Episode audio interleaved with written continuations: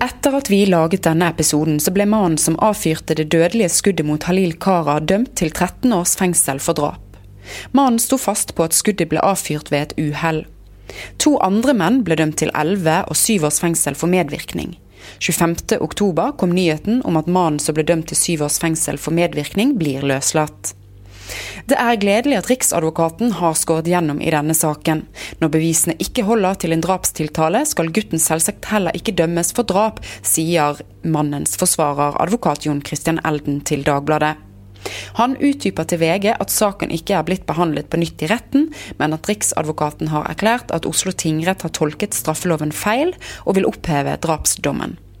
Mannen satt i en bil da Halil Kara ble drept utenfor Prinsdal grill på Mortensrud i Oslo i fjor vinter.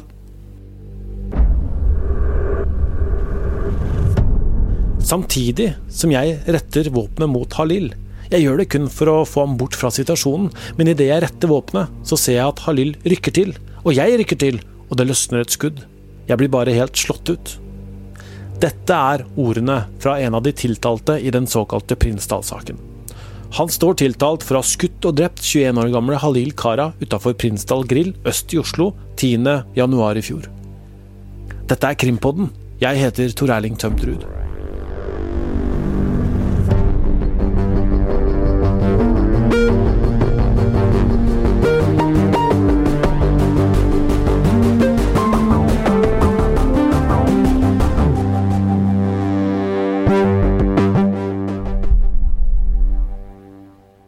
Rettssaken mot han som vi leste fra, og to andre som står tiltalt for drap og medvirkning til drap, starta denne uka i Oslo tingrett. Mannen vi refererer til, er sjøl 21 år, like gammel som Kara da han ble drept. Forrige torsdag så tok vi for oss denne saken, og var bl.a. ved åstedet. I retten så kommer det naturlig nok frem flere detaljer om hva som kan ha vært bakgrunnen for dette drapet. Mannen som skøyt Halil Kara i hodet, hevder at han ikke visste det var patroner i pistolen, og at drapet var et uhell. Han nekter straffskyld, men erkjenner de faktiske forholdene, at det var han som skøyt. Og hva har denne hovedtiltalte mannen forklart om det som skjedde, Øystein? Ja, Nå har han jo som du sier forklart seg, Tor Erling, og han, han, hadde jo ikke gjort det før rettssaken starta. Eh, men det han sier, er at eh, intensjonen kun var å skremme en av ikke Kara, men en av Karas kamerater. Eh, han visste ikke hvem eh, Kara var, og han visste heller ikke at det var patroner i pistolløpet, hevder han. Og, og dermed så mener han jo også at drapet var et uh, uhell, og at han er i sjokk over det som har skjedd. Uh, den tragedien som fant sted da jo, som vi vet, Kara lå død på bakken etter at denne hendelsen fant sted. Han tok jo da altså på seg en, eh, en maske, en finlandshette eller hva det var for noe. Hadde med seg en eh, pistol, han hadde også med seg en kniv. Han har jo sagt at han og en annen mann, en 19-åring som han var sammen med, kjørte tilfeldig forbi Prinsdal grill, der de så denne kompisgjengen. Og han har fortalt at 19-åringen da, som satt ved siden av han, sier at en av disse gutta som de så inne på grillen, eh, plaga han. Og liksom at da hadde denne 21-åringen han syntes at det var så ille at han eh, måtte stille opp for vennen sin. Ja, og så er det jo spørsmål om uh, hvordan retten stiller seg til den forklaringa. Uh, men han sier jo da at de observerer Kara og hans kamerater, følger rett og slett etter dem. Og iakttar dem, ser på dem da mens de er inne på gatekjøkkenet, som du, du var inne på, Tor Erling, og, og, og spiser der. Um, og så kommer det et punkt hvor den tiltalte har forklart at han bestemmer seg for at nå er det er nok er nok. Eh, og ønsker da å skremme særlig én av disse kameratene som, som Kara er sammen med. Som han da hevder plager denne medtiltalte 19-åringen. Eh, og så kontakter han da en tredje tiltalt i denne saken. Det er en 22-åring. Og det er han som da kommer kjørende og leverer eh, et våpen. Uh, og, så, og, så, skjer jo det fatale da, som vi var inne på innledningsvis.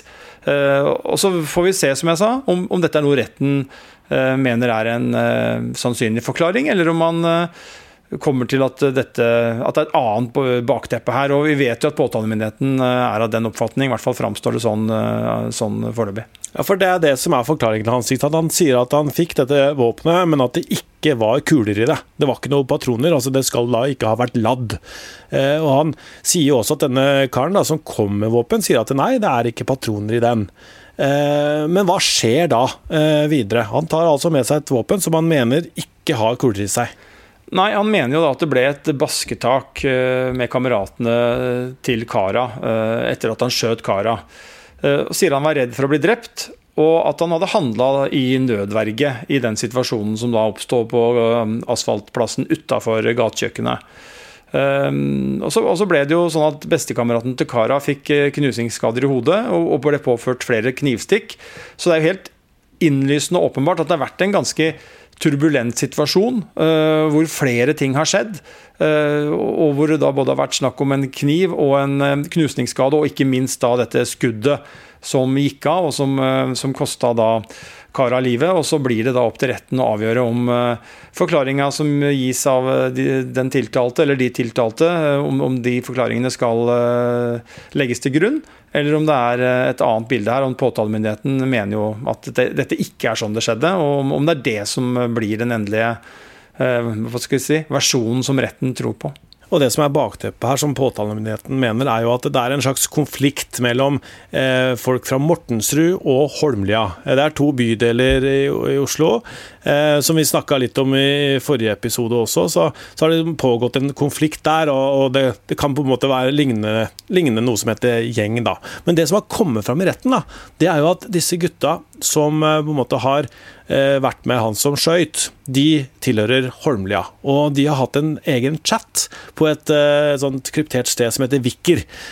Og der har de skrevet at det snakkes om å, å ta tilbake respekten, at folk skal ned. Et par dager før dette drapet så skriver de 'fredag'. Folk skal ned. Jeg sender en gutt med AK.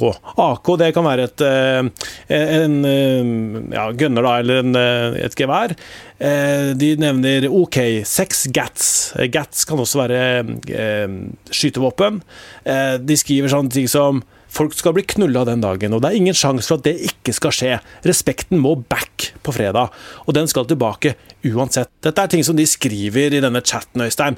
Men den, han som da er tiltalt for å ha skutt, altså den hovedtiltalte, han var ikke med på dette? Nei, det er riktig. Han var ikke med i den samtalen. Og han avviser jo da at han har hatt noe med dette å gjøre. Ehm, men han innrømmer da i retten at han eh, skjønner hvordan dette ser ut fra utsida. Ehm, men det er jo andre tiltalte som deltar i den eh, chatten her, bl.a. han som kom med våpenet. Og halvannen time etter drapet så var mannen som overleverte drapsvåpenet, aktiv på dette chatteforumet igjen, og skriver bl.a. Eh, og nå er det et sitat Han gatta Mortensrud-gutta. Ikke fortell noen. Og i tillegg så skrev han 'sjekk VG'. Ja, for da har VG skrevet om det som har skjedd, ikke sant? Ja. Og så betyr gatta å skyte, som påtalemyndigheten uh, ser det. Og dermed så mener man at dette er et bevis for at Eh, det var en annen, eh, for et annet, eh, en annen opptakt til dette enn det som har kommet fram i den forklaringa i retten. da. Dette er jo veldig sånn um, slanguttrykk. da. Gatta, dette har vi hørt fra Herman Flesvig bruker dette i denne Haugenstua-låta og sånne ting. Så, så, så, disse folka her, de bruker virkelig de uttrykka. Uttalelsen i denne hemmelige gruppesamtalen da, bidrar jo da, som du sier, til å underbygge påtalemyndighetens oppfatning om at dette henger sammen med en eh, langvarig konflikt mellom disse ja, kriminelle miljøene på Holmlia og Mortensrud. Eh, men ingen av disse som har vært tiltalt her, har forklart seg ordentlig tidligere. Eh, hvorfor ikke det? Det er jo kanskje mange grunner til det, men det er jo kjent at det er en slags kodeks eh, ofte om ikke å sladre på hverandre. Og det er også noen saker hvor eh, noen som blir sikta først, og så tiltalt, ikke forklarer seg før i retten. Og det kan skyldes da at man eh, mener at det er mest fornuftig med tanke på den saken man står i. At man da velger å holde munn til politiet, eh, og at man da kommer i retten og skjønner at nå, nå må jeg si noe. Og får kanskje også et råd om at man bør forklare seg i retten. Eh, for det er veldig vanskelig å gå inn i en rettssak som tiltalt og, og si at jeg ikke har noe å si. Det det ender ofte i hvert fall med en dom, og derfor så må man, må man, si noe. Og så er det da, som jeg sa, noen som tenker at det å snakke til politiet det er, er ikke noe særlig lurt, for det kan jo hende en sak blir henlagt. og da uh, blir det ikke med etterspill. og da, Hvis man da har gitt en politiforklaring, så vil noen oppfatte det som at man har likevel sladra. Mm. Eh, bestevennen til eh, han som ble drept, forklarte seg også i retten. Han var jo med denne gjengen som var og spiste. Hva sier han? Nei, Han forklarer jo da at de var, som du sier, Tor Erling, inne og spiste. Alt var normalt. Og så gikk de da ut.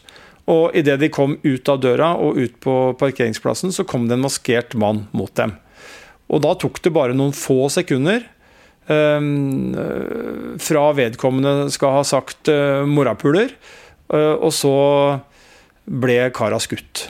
Uh, kameraten sier han ikke har kjennskap til noen av disse tre tiltalte. Og Gjerningsmannen skal også ha retta pistolen mot ham, så han beskriver jo et voldsomt drama. Og i avhør som det har blitt referert til i retten, så skal bestekameraten ha opplevd det som om den maskerte mannen forsøkte å lade pistolen, men at det ikke gikk av et skudd. Eh, og Det understreker jo da dramatikken. Eh, han opplevde at han da, sånn som vi må lese det, ble forsøkt skutt, men at eh, teknikken svikta. Eh, og så løper jo da gjerningsmannen fra stedet. Det er jo da to versjoner. ikke sant? Eh, han sier da at han prøvde å lade. Det vil jo da indikere at eh, det er noen kuler i, i den pistolen.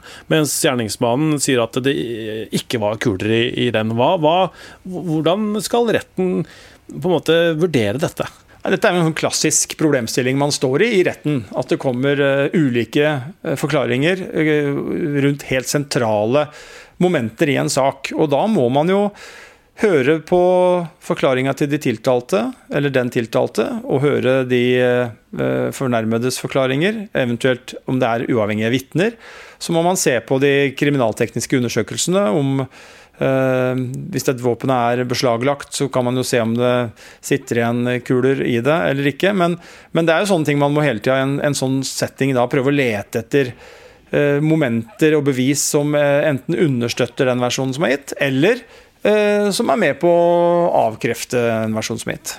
Og så har vi jo hørt at familien til Halil Kara sier at han var ikke med i noen kriminelt miljø, og flere av vennene også sier jo det, at han, han ikke var det. Og til og med den tiltalte mener jo at det var ikke Halil Kara han på en måte skulle skremme.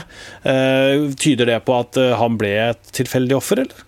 Ja, Det er jo veldig vanskelig å definere dette med gjeng, for det første. Eh, fordi at det er jo ikke noe medlemskort eller noen sånn medlemslister over dette her. Dette er jo udefinerte fellesskap, hvor man kan kanskje være veldig tydelig på at noen eh, tilhører samme gjeng, mens man har kanskje andre som tilhører en perifer eh, del av gjengen. og Det er et spørsmål om det er riktig å si at de er i samme gjeng. Og Så er det jo da et spørsmål om, eh, om Kara var et tilfeldig mål, og kan, eh, mye kan tyde på det. Eh, det har i hvert fall vært en veldig uoversiktlig situasjon hvor mye skjedde, og om man da skal ta og legge påtalemyndighetens syn til grunn, da, at dette ikke var et en situasjon sånn som tiltalte forklarer det, men at det var et mer målrettet handling, så kan det også være sånn at at Kara var et tilfeldig mål fordi at feil mann ble skutt, f.eks. Bestekameraten til Halil Kara sa jo i retten at de hadde kjent hverandre hele livet, og at de var bestevenner. Og han sier at eh, han var en person som alle var glad i, og som ikke ville noe vondt. Eh, og som ikke var kriminell, eller ja, med i noen gjeng, da. Det blir jo på en måte gjentatt flere ganger her. Men hvis disse her eh, gutta blir dømt, Øystein, hva er det de på en måte kan få i straff da? For det første så blir det nok ulike straffer, for det er jo ganske ulike roller her. Eh, så det er ikke sånn at alle får den samme straffen. Eh, sannsynligvis så får eh, han som skjøt, hvis han blir dømt for å ha skutt bevisst, så får han den høyeste straffen. Hvis det viser seg at han blir dømt for, etter sin egen forklaring, som er at dette er et uhell, så vil han få en helt annen straff. Da snakker vi om ja, er, her er det mange momenter Tor Erling, som kommer til å spille inn. Um, Men for å begynne i den ene enden, hvis, hvis, han som da har løsna skuddet, blir uh, dømt etter påtalemyndighetens uh, så, Som de ser på saken, så får han en høy straff. For da er det planlagt, og det er alltid straffskjerpende, og så er det målretta. Og da kan han risikere en straff opp mot den øvre delen av skalaen. Altså opp mot si fra en 14-15 oppover, kanskje. Men hvis han får hvis blir, eh, retten kommer til at, eh, han, eh, at, hans versjon er den som er riktig, da vil han kunne få en ganske lav straff. Han kan vel også bli frikjent. Hvis han blir trodd på dette med nødverge, så blir han jo frikjent. Så det er liksom ganske mange muligheter der, ganske mange utfall. Og det avhenger helt av hva retten finner bevist, og så hvilken roller de ulike har.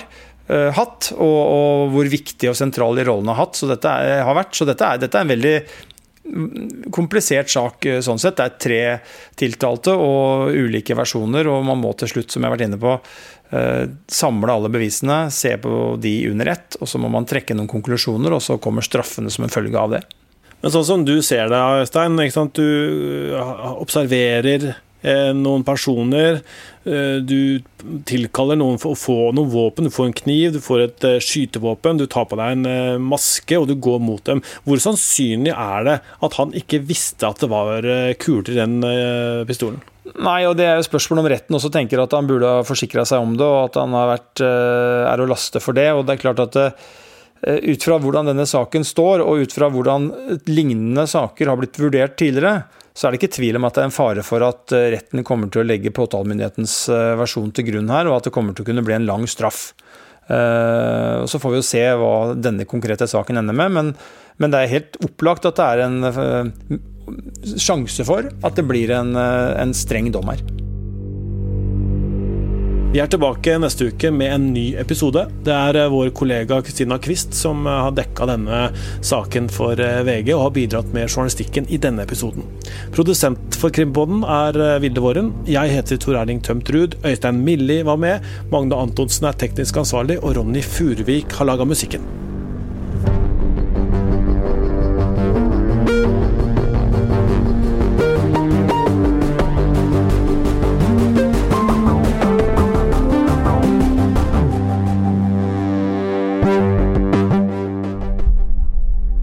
Du har hørt en podkast fra VG.